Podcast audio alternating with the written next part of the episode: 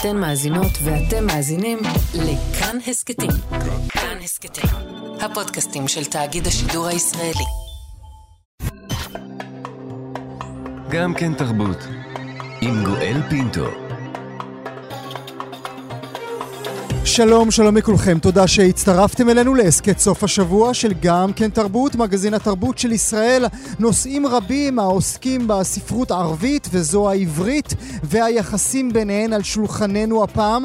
מן הצד האחד, שאלה שמעוררת שיח ברחוב הפלסטיני, האם הוצאת הספרים מכתוב תרגמה ופרסמה ללא רשות וללא זכויות יצירה של הסופר הפלסטיני עטף אבו סף, שהוא לא פחות משר התרבות הפלסטיני. מן הצד השני מחקר שמראה על עלייה דרמטית של תרגום ספרים ערבים לאנגלית ברחבי העולם. מה הסיבות לעלייה? מי הם הסופרים המתורגמים? והאם אנחנו רואים את המגמה הזו גם אצלנו בישראל? וגם בנושא אחר לגמרי, הכתר, סדרת הקאלט של נטפליקס עלתה בעונתה החמישית. האם הקאסט מספק את הסחורה? האם דיינה מתה? אלעד ברנוי יהיה איתנו. או, אה, אתם מוזמנים כמובן להאזין לנו, עורכי המשדר אייל שינדלר וענת שרון בלייס, על ההפקה נועה רוקני, בצוות התוכנית אבי שמאי ובר בלפר. האזנה נעימה. גם כן תרבות. האם הוצאת אה, מכתוב, הוצאת ספרים חשובה שבליבה תרגום לעברית של יצירות ספרות שנכתבות בערבית ומפרסמת אותם כמובן לקהל הישראלי, תרגמה והפיצה ללא רשות את ספרו של הסופר הפלסטיני עטף אבו סף, המכהן גם כשר התרבות ברשות הפלסטינית. הסיפור שפורסם לראשונה על ידי שירין פלח סאיב בעיתון הארץ מעורר עדים ברחוב הפלסטיני, שם האשימו את הסופר, השר, בכך שמעשה התרגום של ספרו דורכים במקום מנרמל את היחסים עם ישראל. הוא מצידו פשוט פשוט אמר שהספר תורגם ללא רשותו. מכתוב, בהם אנחנו בוטחים, ורבים מהם עולים אה, תדיר אצלנו בתוכנית, אומרים שום ספר אצלנו לא מתורגם ללא הסכמת הסופר. אז האם ההוצאה גזלה זכויות, או האם השר משקר? זה אחד מן השניים. עכשיו לראשונה נוכל לפרוס בפניכם את החוזה, לבדוק מי חתם עליו, אם מישהו בכלל חתם עליו, ומה השתנה בימים האחרונים. אנחנו שמחים לארח הבוקר בתוכנית את אחראית זכויות היוצרים בהוצאת מכתוב, כיפח עבד אל-חלים. בוקר טוב לך. בוקר אור. תודה רבה שאת נמצאת איתנו הבוקר. האם הסופר, השר, משקר? אה, קודם כל חשוב לי להבהיר עוד פעם שהוצאת מכתוב לא מוציאה שום ספר ואפילו לא שום שיר או סידור קצר ללא הסכמה של מי שכתב אותו או מי מטעמו. במקרה של השר אנחנו לא היינו איתו בקשר ישיר, אנחנו כל הקשר נעשה דרך צד שלישי שהוא היה מוסמך אה, לאשר לנו ולעקוב אחרי העבודה של התרגום. מי הוא, ואחרי... הצד, מי הוא הצד השלישי? מה זה הצד שלישי?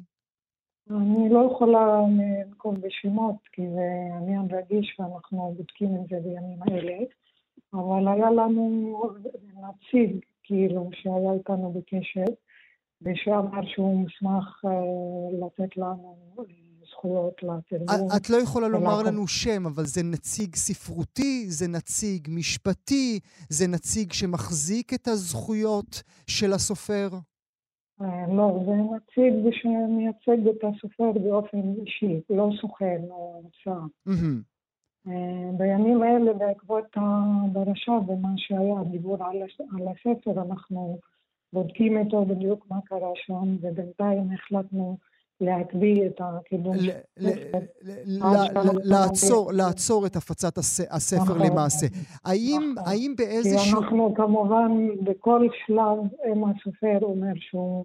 לא רוצה או לא מעוניין, אנחנו כמובן לא מתקדמים אם הסופר לא מעוניין. כן, אתם כמובן לא, לא רבים עם הדברים האלה, וכמו שאמרת, ובצדק רב, גם ככה הכל מאוד רגיש ומאוד כן. עדין בעולמות שבהם אתם פועלים.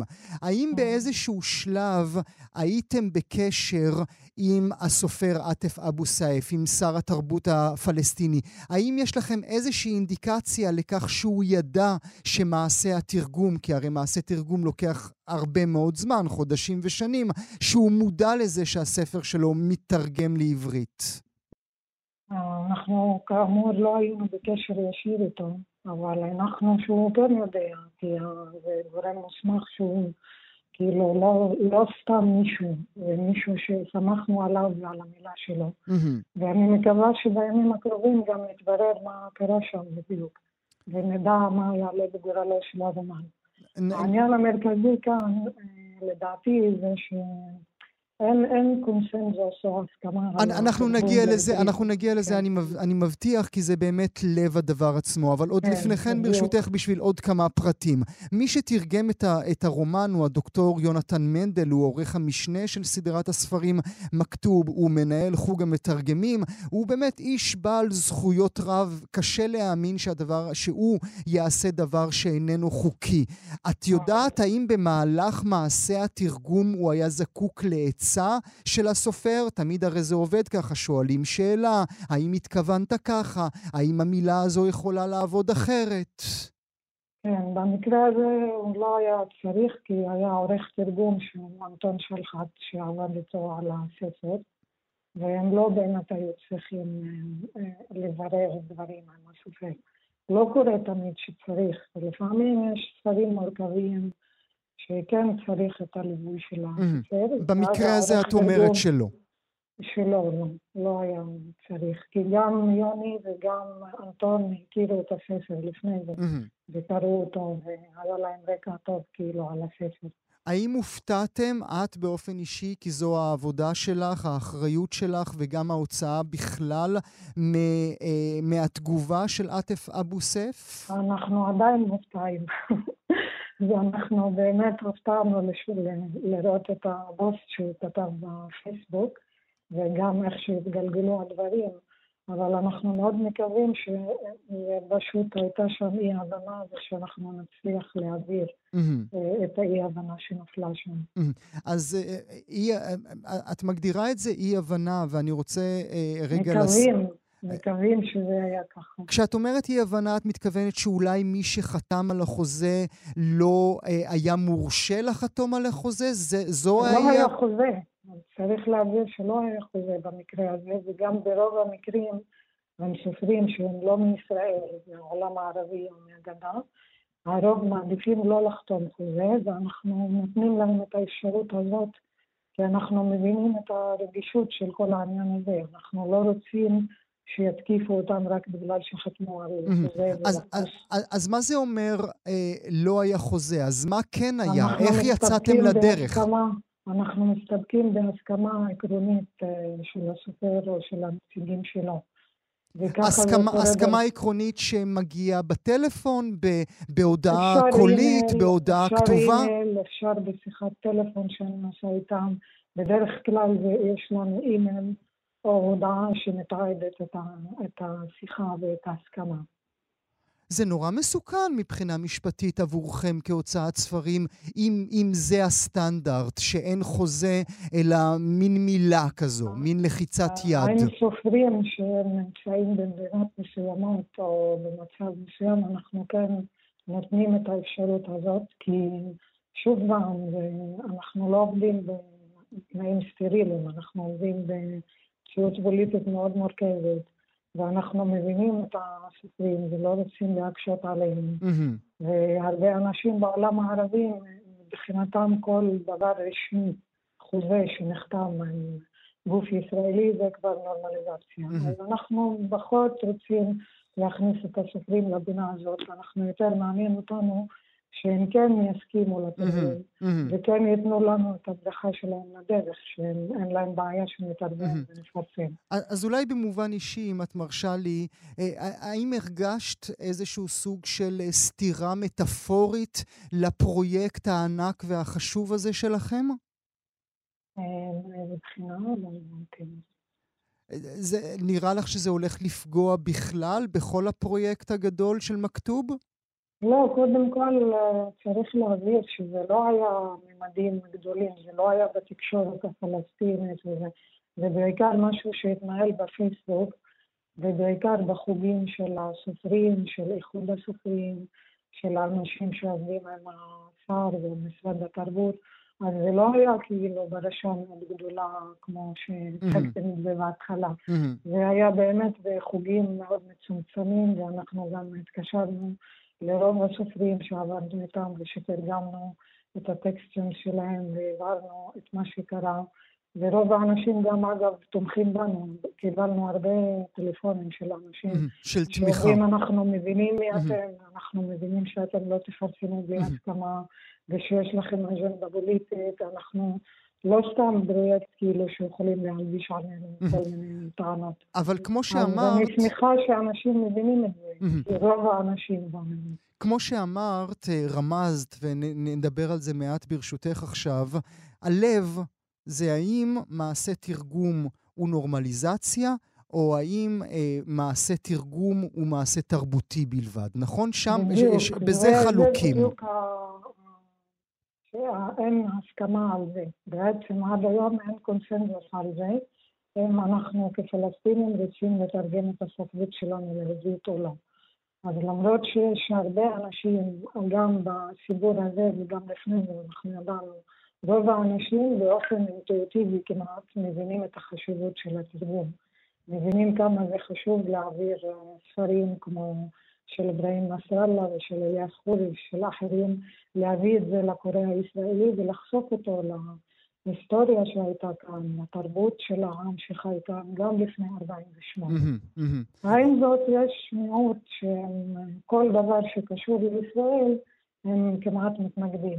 אז גם אם זה תרגום של רומן מעזה, כמו זה של עטיף אבו סייף, שמדבר על המציאות שנוצרה בעזה תחת המצור, בשבילם זה לא, זה נורמליזציה וזה לא מתקבל יפה, ואנחנו גם אותם מבינים. אגב. כי שוב פעם, זה אנשים שחיים תחת אה, כיבוש. בשבילם ישראל זה החיילים וזה המחסומים וזה ה- מי שמדכא אותם. אז כל קשר למוסד ישראלי, גם אם זה לא מוסד ממשלתי או משהו שמייצג, מהמם. כאילו, הם אה, מתנגדים לזה. טוב, אנחנו, אה. אנחנו כמובן אה, נמשיך ונעקוב אה, אחר הסיפור הזה. אני מקווה שהספר יחזור אה, אה, אל המדפים, כדי שנוכל כולנו להכיר את הכתיבה אה, של. הסופר הזה, עטף אבו סייף. אני רוצה מאוד להודות לך, כיפח עבד אל-חלים, אחראית זכויות היוצרים בהוצאת מכתוב. תודה שהיית איתי הבוקר. תודה לך. גם כן תרבות. שוחחנו עכשיו אודות מכתוב, סדרה המתרגמת לעברית יצירות שנכתבו בשפה הערבית. עכשיו נדבר לראשונה על סדרה מקבילה, תרגום של יצירות שנכתבו בעברית לקורא הערבי. שם ההוצאה היא ראיה, הספר הראשון שיוצא בה, אני אנסה, אני אנסה, אני אנסה, והי בוהה וואלי הטאריק על עלם. אני אוהב אותה, ושישרף העולם. מדובר באסופת אה, שירים, למעלה כמעט 80 שירים של המשורר האהוב רוני סומק. יש בספר אפילו הקדשה שכתב המשורר הסורי הגולה עלי אחמד סעד אסבר, מי ששמו נמצא תדיר ברשימת המועמדים לפרס נובל לספרות. אתם מכירים אותו בשם העט אדוניס. אנחנו נדבר על המאורע המשמח הזה ונברך לשלום את כלת וחתן האירוע, המשורר רוני סומק. בוקר טוב לך, בוקר טוב. ובוקר טוב למתרגמת רימה נעים, בוקר טוב גם לך. בוקר טוב גואל, בוקר טוב רוני. בוקר טוב. רוני, אה, מה אתה אומר על השיחה הקודמת שעשיתי, אפרופו התרגום של הספר הסופר, שהוא היום אה, שר התרבות הפלסטיני, העובדה שרבים מהם לא מוכנים להיות מתורגמים לעברית? האמת, אני לא בקיא בפרטים, אני חזרתי מארצות הברית לפני כמה ימים, שמעתי את השיחה, ואני חושב שהעובדה שאדוניס אה, כותב את ההקדמה. זכותה של רים כמובן, לספר שלנו, של רים ושלי, אה, זו הוכחה הפוכה. הנה אה, משורר גדול, אולי המשורר הגדול ביותר כן. בתחום ב- ב- בעולם, שהוא לבנוני סורי, ושרים אה, רנאים הנפלאה מבקשת ממנו לכתוב הקדמה, אז הוא לא מחכה שלושה ימים, הוא כותב את זה תוך יום. Mm. ו- והוא אה, לא שואל ישראלי, לא ישראלי. עכשיו, עכשיו בעיניי זו התשובה, אבל אני רוצה להגיד משהו לפני שרים אה, אה, ת- תדבר, שאני מרגיש שאני בנבחרת חלומות. כיוון שברגע שבשיר שלש ורים רנאים אה, באו ואמרו לי, בוא נעשה ספר, אני הרגשתי שאני בידיים נפלאות, כי אני אספר סיפור. רים פעם תרגמה שיר שכתבתי לאדוניס, הראיתי את זה לחברי המתרגם עידן בריר, מהמם. והוא, התגובה שלו הייתה וואו. הוא אמר לי, ככה לא תרגמו אותך מעולם. וברגע שרים אומרת לי, בוא עכשיו נצא למסע ונהפוך את השיר הזה לספר שלם, אז אני הרגשתי שקצב מחיאות הכפיים שלי התחיל לעבוד שעות כמובן, נוספות. ואפילו הפנים היפות שלך מופיעות על אה, כריכת אה, הספר. אה, בור- רואה, 1976. כן, זו תמונה ישנה, אבל כולנו עושים את זה. אה, רים, אעבור אלייך אה, ברשותך. למה רוני, דווקא רוני סומק, פותח את, ה, את, ה, את המסכת הזאת, או את הסדרה הזאת? האם העובדה שמדובר, שאפשר, שאפשר בקלות להציג אותו כמשורר יליד עיראק, שבמקרה גר ברמת גן? יש כמה סיבות אה, להחלטה הזאת להתחיל אה, או לפתוח את הסדרה הזאת ב, אה, בתרגום, ש, אה, בתרגום השירים של אה, רוני. אחת הסיבות, כן, זה מה שאתה אומר, כן. הוא סופר, אה, קודם כל הוא סופר גדול. הוא משורר גדול. אה, אה, ויש לו, יש לו הביטוס גם, הביטוס מאוד מיוחד, הוא אה, משורר אה, יהודי ממוצא אה, עיראקי שכותב בעברית. אבל כל, ה, כל הסוגיות שבהן הוא דן, אה, אני חושבת שהם ממש נוגעים אה, ישירות לזהות שלו, אה, להשתייכות שלו גם לתרבות. הערבית. אה, אפשר להגיד. אה, ואני חושבת שרוני דווקא אחד המקרים הכי מעניינים בסצנה הפואטית הישראלית, שהוא נמצא על, בתוך מרחב ייחודי, על קו התפר, אה, כשמה של הסדרה שלנו, בין פה ושם. אז אני חושבת שהוא בחירה מאוד, אה, מאוד מעניינת. וזה אומר, זה אומר. שמבחינתך, רים, גם הקורא בערבית, בגלל התכנים של רוני, יוכל להתחבר? זה מה שאת אומרת לי? אה, אני חושבת שכן, ודווקא התגובות הראשונות ששמעתי, והראשוניות ששמעתי, אה, אה, כן, אומרים שיש סוג של חיבור לכל מה שהוא אומר, כי. קודם כל, זה כל כך אמיתי, גואל. בוא נדבר על שירה כאקט אמיתי. כאקט של, של חשיפת זהות בצורה מאוד... לא, אני, אני פשוט אקרא לזה אמיתי. אני לא, לא אקרא לזה אה, אה, שמות אה, אחרים, ולא, ולא אתאר את זה כ, לא כאקט פוליטי ולא כאקט אה, אה, חברתי. מהמם, זו שירה. מהמם. זו שירה שכתובה יפה, וזו שירה שיש לה אמירה אה, הומנית, וזו שירה שיש לה אה, זהות, אה, זהות מאוד גדולה, מהמם. ומאוד וחובקת זהויות, לא רק זהות כמובן. אחת גדולה שחובקת כמובן. זהויות קטנות של רוני סומק ושלנו גם. ואת אומרת, אה, רים, לא בהכרח אה, מעשה פוליטי, אבל אנחנו ביקשנו מכם לקרוא, ברשותכם, בעברית ובערבית, את התרגום שלך, אה, רים. אה, אה, רוני, נתחיל איתך אולי דווקא בעברית, אה, ואז אה, נ- נ- מהשיר נשאל האם פוליטי, האם מעשה פוליטי, או רק מעשה תרבותי. תתחיל ברשותך. השיר פותח את הספר בערבית והוא נקרא דגל פלסטין. האדום בדגל פלסטין נגנב מאש לפידים, הלבן מסיד שגורד מהחומה, הירוק מצעקת עץ והשחור הוא חושך מצרים. אז יאללה, תהיו כבר מדינה והחזירו ירוק לאדמה, לבן לחולצת חג, שחור לקפה ואת ה... אדום לתשוקה על שפתי היפהפיות שבאו לרמאללה לתחרות מיס פלסטין שבוטלה. כמה זה יפה. רים, בערבית, ברשותך, התרגום שלך. אה, כן, זה השיר הראשון שפותח את, ה... את הספר.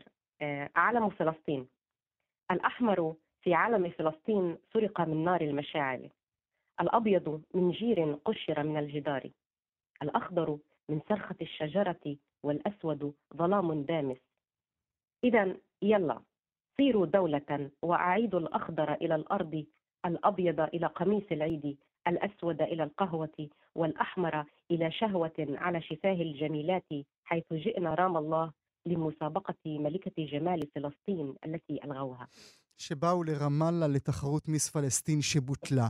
אז אתה רואה רוני, את זה האחריות פוליטי או השוות? תרבותי?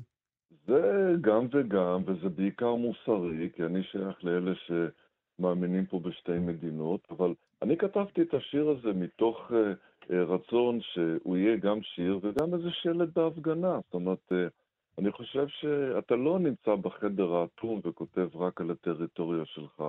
יש גם רצון להגיד דברים שהיית אומר אותם בתוכנית חברתית, מוסרית או פוליטית, אבל הקריאה של רים, אחרי הקריאה שלי, באה ומראה איזה אחיות, כמעט הייתי אומר סיאמיות, העברית והערבית, מהמם, ו... מהמם. ואיזה, זאת אומרת, רים היא לא, היא לא מתרגמת שלקחה את, ה, את התבשיל מהטבח והפכה להיות מלצרית שמביאה אותו לשולחן של הסועד.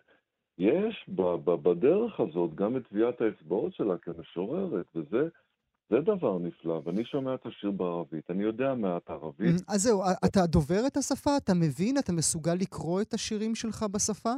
אה, לקרוא, לצערי, ואני מתבייש להגיד, אני לא יודע, ואני גם לא יודע לכתוב בערבית, וזה באמת הזמן להגיד שצריך ללמד ילדים לקרוא ולכתוב ערבית החל מכיתה א', אבל אני, אני, אני, כשאני שומע את השירים, אז למרות שהערבית שלי ערבית עיראקית, אני יכול להבין, אבל יותר מכל אני יכול להבין את המוזיקה. מהמם.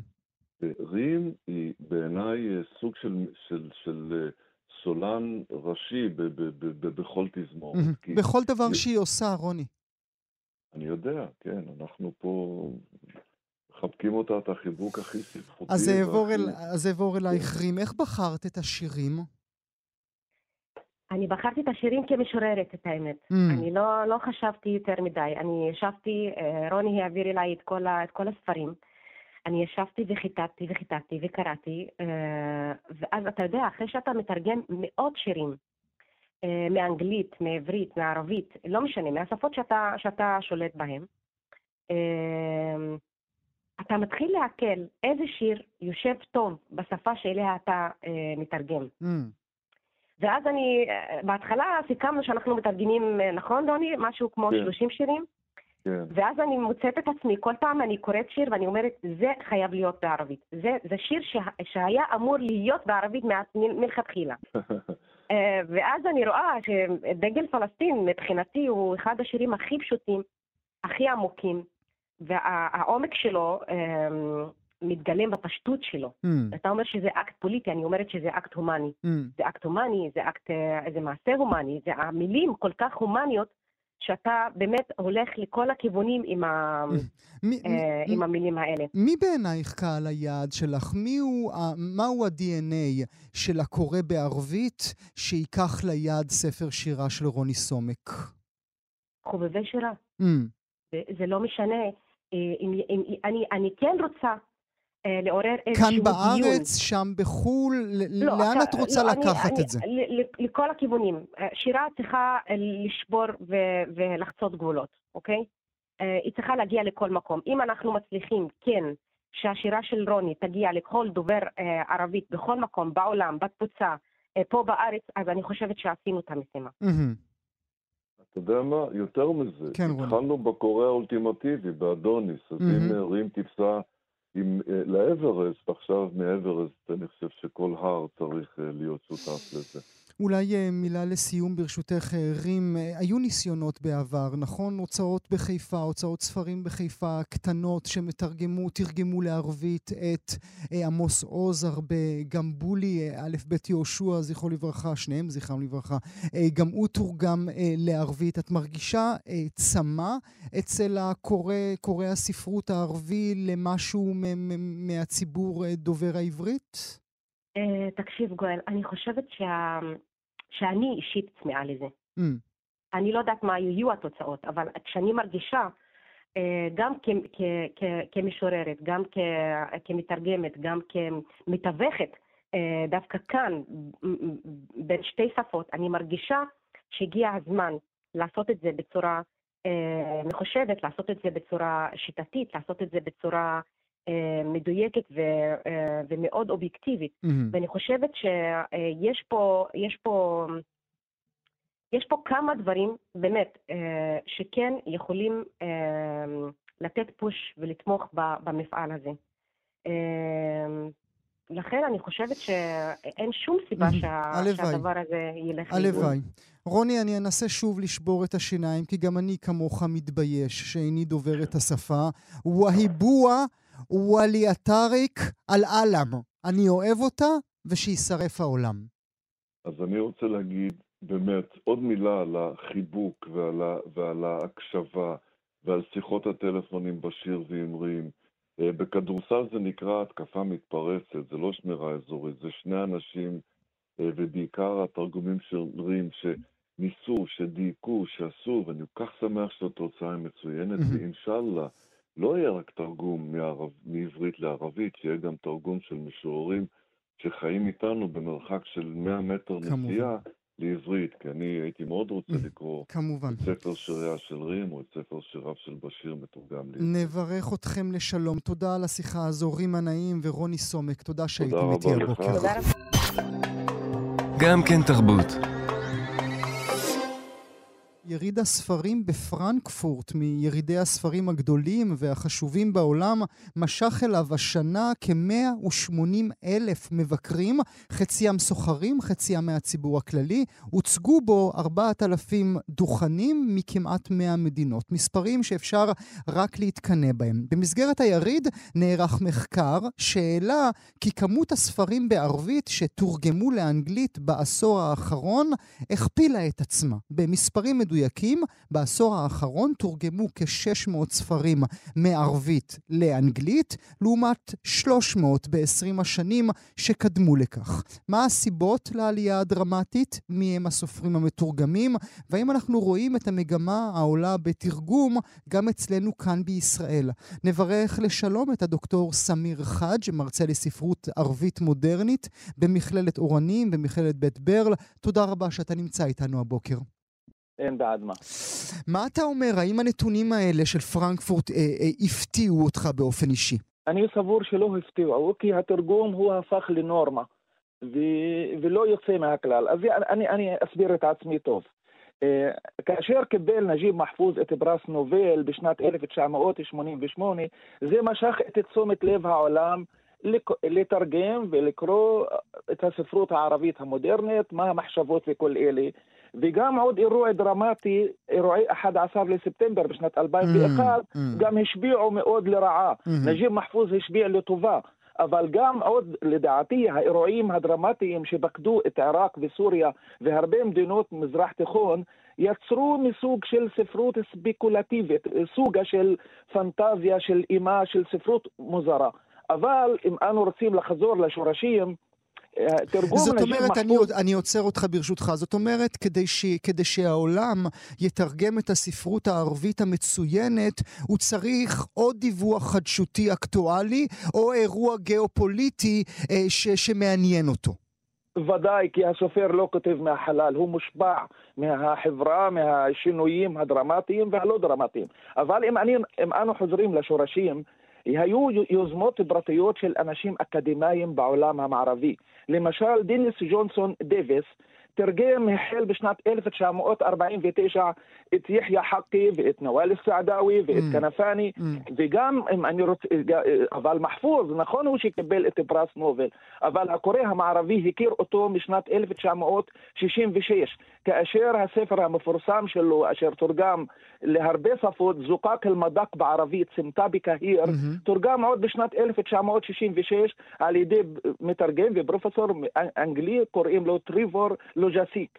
וגם יש יוזמה פרטית, יוזמות פרטיות, יש מבקרת ומתרגמת פלסטינית, קוראים לה סלמה אל-חדרה אל-ג'יוסי. הייתה חלוצה מאוד בכך שהיא הקימה פרויקט, פרויקט זה נקרא פרוטה, Project of a Translation from Arabic. Mm. אז היא תרגמה הרבה יצירות מעניינות, ובשנת 1985 היא תרגמה את האופס, האופסימיסט של אמיל חביבי Mm. לאנגלית. Mm. זה התחיל גם בש- בשנת 1980. אבל אבל עדיין אי אפשר להתעלם מהנתונים, כי גם הנתונים הנ- היפים שמגיעים אלינו מפרנקפורט מדברים על 600 ספרים בעשור שלם. זה נורא אני מעט. אתייחס לזה, נכון, אתה צודק, אבל אני אתייחס לזה. מה הביא לתרגומים האלה בעשור האחרון? בתקופה האחרונה אה, יש הרבה פרסים בסכומי עתק شو مشكعين بميوحاد ما يحودها أميريوت. لمشال براس براسها براسها بوكر عربي بوكر عربي. كم؟ أه، انترناشونال برايس فرام ارابيك فيكشن زي نقراه الجائزة العالمية للرواية العربية الحديثة. אז מה עושים שם? יש, יש ועדה שבוחרת את היצירות הטובות, ואין שם בוחרים יצירות ממש טובות, אבל אי אפשר לתרגם את, את הסגנון ואת הטכניקה, רק את התוכן. אבל מה, מה הפרס? בנוסף לפרס שמעניקים 50 אלף דולר לרומן הזוכה, בז'אנר הרומן הם מתעסקים, מהמם. ועשרת אלפים דולר לששת היצירות האחרונות, מתרגמים כל זה מי שמופיע ברשימה הקצרה, דהיינו, שש יצירות מתורגמים ישר לאנגלית, מהמם. וגם יש לנו פרס זאת השייח' ש, זייד. זאת אומרת שזה, אה, אה, שזה חלק מעודד. מהסיבה שרואים נכון. עלייה בתרגומים האלה. ויש עוד פרסים, ש- ג'איזת פרס השייח' זייד, שם מעניקים שבעה מיליון דרהם, כמעט שבעה מיליון שקל. זה התחיל בשנת 2008. Mm. וגם יש לנו עוד ג'איזת סולטן שבעה אל-עוויס. מיליון שקלים לסופר אחד? שבעה מיליון שקלים, כן. אני רוצה אה, גם, אולי נכתוב. אולי, כן, אבל מי, אם אתה תגיע לזוכה הראשון, אז אתה, אתה תקבל מיליון. אבל אה, השמונה, השמונה, שמונת הפרסים האחרונים, כל אחד מקבל 750 אלף. וגם יש לנו עוד, עוד פרס בשם סולטן בן אל-עוויס. זה גם שני מיליון שקל משקיעים, וגם פרס קטרה לתרגום בדוחה, וגם עוד אוניברסיטאות בארצות הברית. למשל, לפני שנתיים, שלוש שנים, שלח לי מתרגם עיראקי את תרגומי סמיח אל-קאסם. Mm. יש אוניב... באוניברסיטת סירקיוס, וגם ארקנסס, גם ארקנסו, אוניברסיטת ארקנסו מקדישה פרסים. הפרסים ממש, אבל עוד דברים. יש הרבה סופרים בעולם הערבי, אני חושב שזה לא נכללו בסקרים, שהם כותבים באנגלית, Mm. במיוחד סופרות Mm. פלסטיניות. לא, לא, הם, הם, הם, עסקו, הם עסקו רק בתרגום, הם לא עסקו ב, כן, כן, בכאלה אבל- שזו שפתם. כן. אבל זה משך לתרגום, כי הם ראו את היצירה הערבית או הפלסטינית במיוחד באנגלית, אבל אני, לדעתי היצירות המהממות מתורגמות. למה?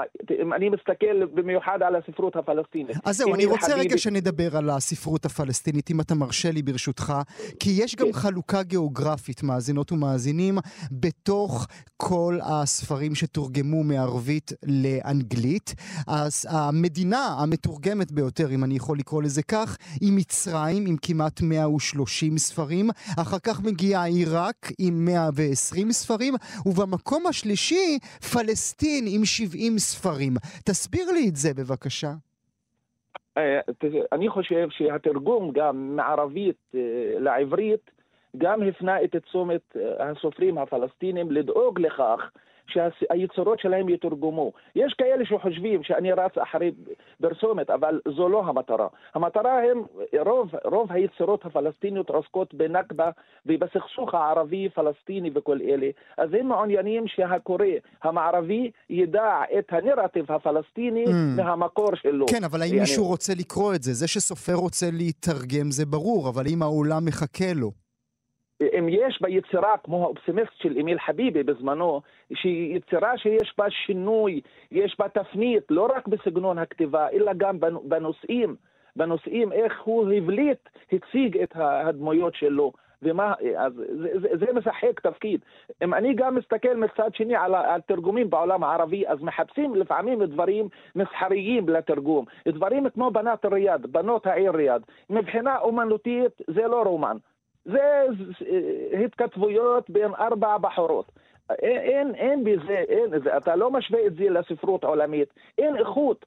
אבל יש הרבה יצירות שתורגמו עם איכות. היצירות של גסן כנפאני, היצירות האחרונות שזוכות בבוקר, מרשימות גם מבחינת לא רק תוכן, אלא גם מבחינת אני- סגנון, סגנון וגם מבחינת נושאים. יעני. אני רוצה, דוקטור חאג', אה, לפתוח רגע אה, אה, חלון נוסף, וזה נוגע לקורא בעברית. אנחנו כמובן אה, כאן בתוכנית שלנו מכירים רבות את פרויקט מכתוב, אנחנו עוסקים בו אה, רבות, שמתרגם יצירות ספרותיות ערביות לעברית. האם בעיניך הקורא העברי מקבל מספיק מן היצירות מהעולם הערבי? אני חושב לא בכלל אפילו, יש מעט תרגומים, והיצירות הטובות זה, זה עניין של כלכלה. כדי לתרגם יצירה מסוימת צריך השקעה, צריך משאבים, צריך אה, תקציב. וזה הסופר הערבי בקושי הוא מוציא את היצירה שלו בערבית והוא לא יכול למכור, גם אין גישה.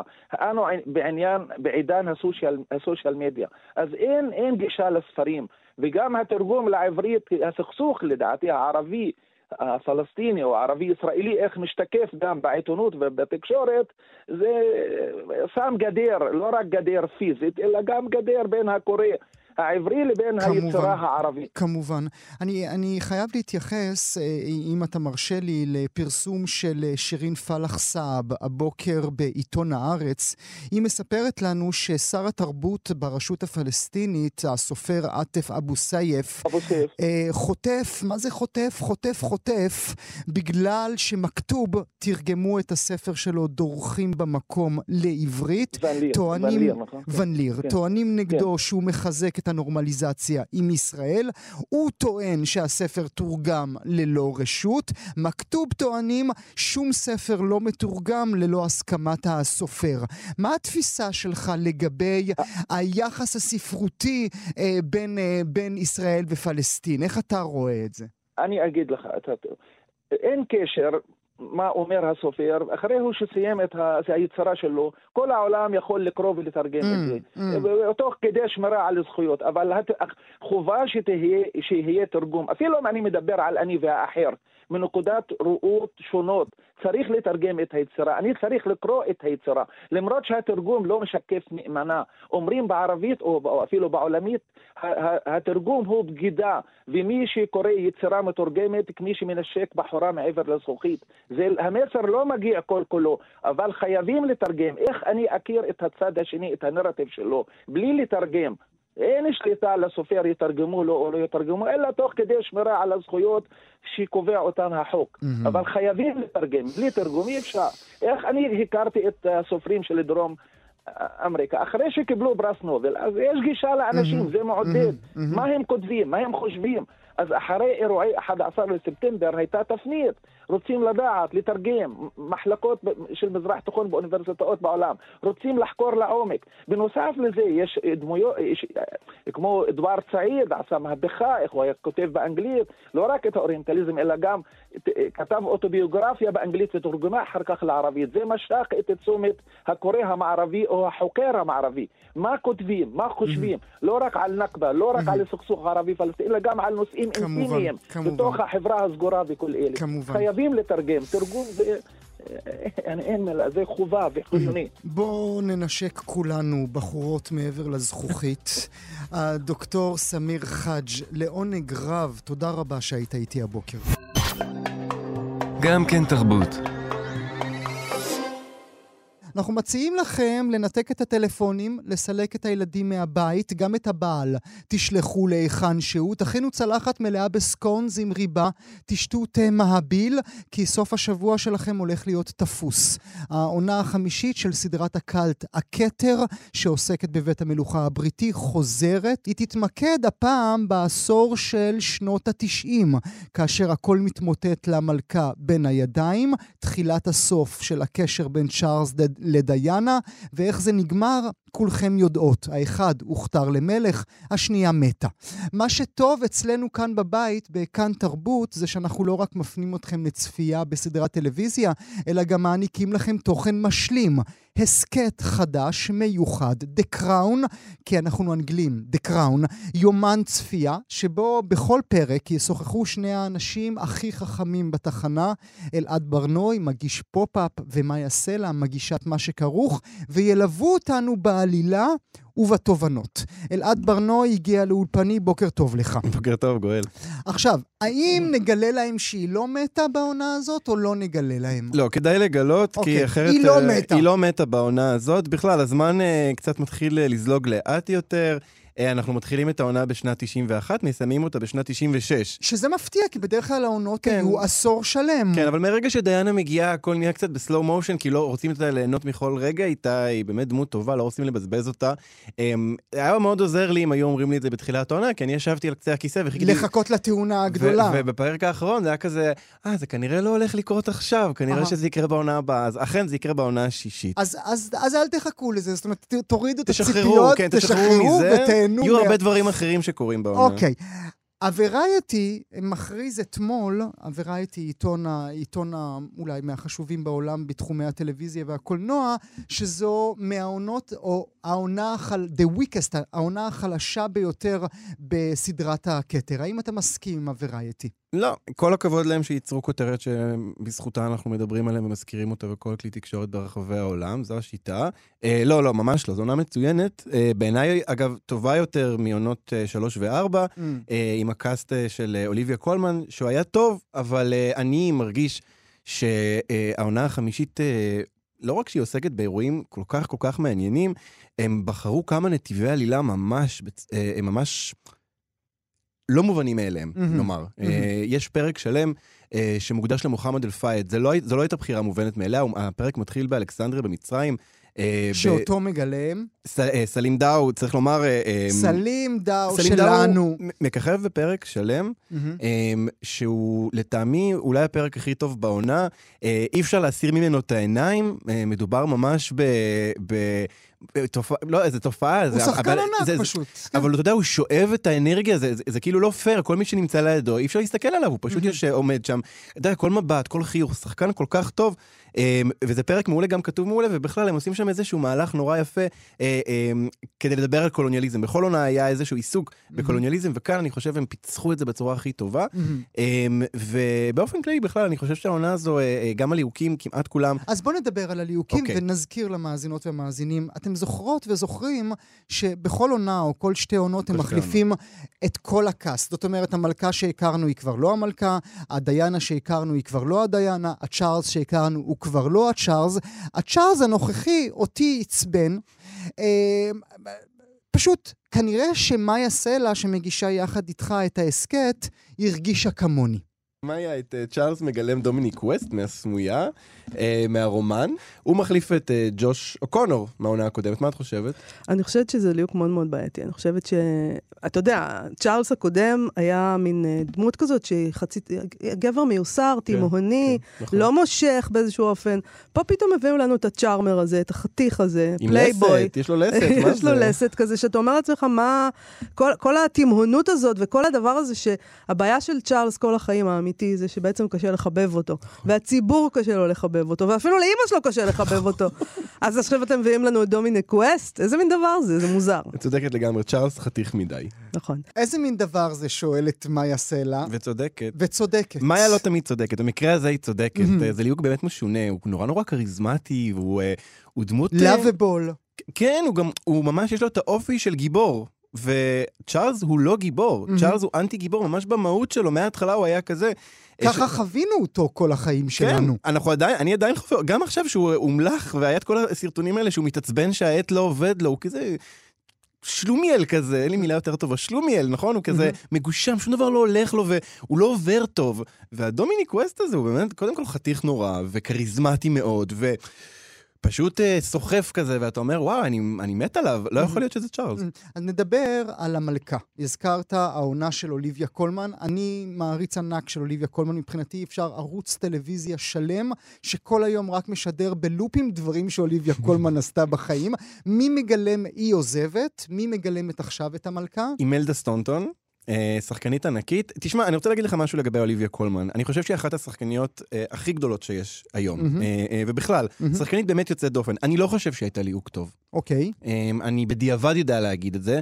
יש בה משהו אה, לא ממלכתי, לא מלכותי, נוירוטי. אה, שלא מתאים לדמות של המלכה, כלומר, היא נראית רדופה כל הזמן, וזה היה יותר מדי, זה... יש משהו במלכה, אה, אה, איך שאנחנו מכירים אותה לפחות, ומאוד עבד גם אצל קלר פוי וגם אצל אימלדה סטונטון, שיש תמיד איזה מחסום, mm-hmm. משהו קצת קר, קצת מנותק, אתה כן מחבב אותה, אבל אתה מרגיש שהיא לא נותנת את עצמה עד mm-hmm. הסוף. אוליביה קולמן, אתה מרגיש שאתה שוקע בתוכה. אז במובן okay. אוקיי. הזה, אה, אימלדה סטונטון זה ליהוק מצוין, ובטח בתקופה הזו שהמלכה מאבדת פופולריות, ואנחנו מצליחים לראות אותה שם עומדת ולא לגמרי מצליחה להתמודד עם זה. ואי אפשר, כמובן, העונה כולה מבוססת, גם הקודמת. הקודמת הייתה מבוססת, אבל העונה הזו לגמרי מבוססת על נסיכת העם, על דיאנה. וגם שוב, הפעם, אולי פשוט מאיה סלע צריכה להחליף אותי בתפקיד, כי גם הפעם אני מסכים עם הדברים שמאיה סלע אמרה בהסכת שלכם. בעיניי יש משהו קצת בלתי נסבל בדיאנה בינתיים. אה, יכול להיות שזה ישתנה. אה, יש, התחושה שלי היא כל הזמן שהשחקנית הזאת מתעסקת כל הזמן בלחכות. את דיאנה האמיתית, והיא עושה חיקוי די מושלם שלה, נכון? נכון. של מה שאנחנו מכירים, את הדיאנה המבוהלת, הביישנית, אה, עם המבט הצידי התחתון הזה, שאתה מחכה לו הנה, אני רע. לך- אני אעשה עכשיו, המאזינים לא. יכולים לראות, אבל... בדיוק כזה. חצי מיוסר, חצי ביישני. חצי פלרטטני גם. חצי פלרטטני, נכון. אה, מבט שאנחנו מכירים מהצילומים נכון. של דיאנה. מבט בלתי נסבל, לא יודעת מי נתן את העצה הזאת אה, ללכת על זה. אה, ואני די מתפללת שהדבר הזה יעבור והיא תהפוך להיות אדם אמיתי, אה, Mm. כמו פינוקיו. כמו פינוקיו, וכרגיל, מאיה אה, מגדירה מצוין, מבט צידי תחתון. תעשה לי רגע את המבט הזה? בדיוק, זה המבט של, של דיאנה. טוב, כמובן שגם אתה וגם מאיה טועים במקרה הזה. אני אמרתי מקודם, מאיה צודקת, אבל לא תמיד. אמ, דיאנה, אה, קודם כל, כי אני מחקה אותה. זה דבר שקורה לאורך כל העונות. גם אה, אה, גיליאן אנדרסון חיקתה את מרגרט טאשר, זה היה ממש חיקוי. אבל היא מצאה שם בעיניי פוקוס. היא מצאה סנטר, גם אליזבת דה ביקי כאן, השחקנית האוסטרלית, היא מביאה את דיאנה שהיא לא קורבן. והיא לא אומללה כל הזמן, והיא לא היסטרית כמו השחקנית הקודמת ששיחקה אותה כל הזמן באיזה מין התקף כזה שבלתי פוסק. לא. טוב, גם שמו אותה בעיקר בחדר השירותים בעונה נכון, הקודמת. נכון, כן. נכון, היא, היא הייתה גם כתובה פחות טוב. עכשיו יש כאן דמות עם רצונות, עם שאיפות, אה, ועם, וגם המבט הזה שהוא חיקוי, היא, היא פיצחה שם את הדבר הזה שזה, אנחנו אומרים כאן אה, חצי, חצי וחצי, שלושה חצאים יש שם, אה, גם פלרטטני וגם אה, גם תמים, אבל לא רק, אתה מבין שיש משהו שהיא רוצה. בעיניי זה ליהוק ממש טוב, ואני חושב גם, הקטע הזה ששמענו מתוך הפרק הראשון של ההסכת, לא- לאורך ההסכת הדעה קצת אולי תשתנה, כי היא, היא מתפתחת גם כדמות, ואנחנו רואים דיאנה מורכבת הרבה יותר מהדמות הזאת של הנסיכה המתוקה והחמודה. אולי מילה לסיום, כמובן, המלכה האמיתית מתה, מלך חדש הומלך. זה יעזור לעונה הזו של הכתר בעיניך? חד משמעית. אה, אני חושב שזה ממש כוס תה לוהטת, העניין הזה אה, של בית המלוכה. הם, אה, הם כולם מתעסקים בזה כבר כמה חודשים, כולם מדברים רק על זה. מהמם. פתאום יש סדרה שבאה ומתעסקת בדיוק בזה. לא רק זה, בפרק הראשון ממש מדברים על האם צ'ארלס צריך להחליף את המלכה, זה בא להם בתזמון מושלם. לארמון זה בא בתזמון אסון, כמובן. אבל אה, לסדרה ולנו זה בתזמון מושלם, לדעתי זאת תהיה העונה הכי נצפית, אני מקווה, אה, וגם אני מקווה שההסכת יהיה מואזן מאוד. אז בוא נגיד למאזינות והמאזינים, הסכת צפייה, יומן צפייה, The Crown, בכמובן עמוד ההסכתים של אה, כאן, עמוד ההסכתים הטוב שיש. אה, מאיה סלע ואלעד ברנוי מפטפטים אחרי כל פרק. עכשיו תשאלו, איך אחרי כל פרק? הרי זה בא בבינג'. אז הם העלו שלושה פרקים. עכשיו כבר אפשר אה, להאזין להם, ואט אט הם יטפטפו לכם את התובנות המצוינות שלהם. אלעד ברנוי, thank you so much for being with us. תודה רבה, גואל.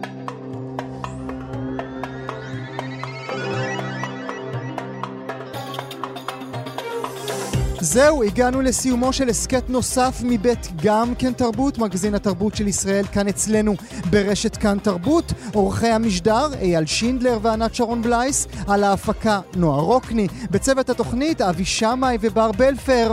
תודה שהייתם איתנו להתראות.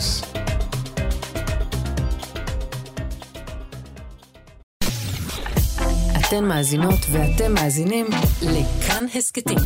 כאן הסכתים, הפודקאסטים של תאגיד השידור הישראלי.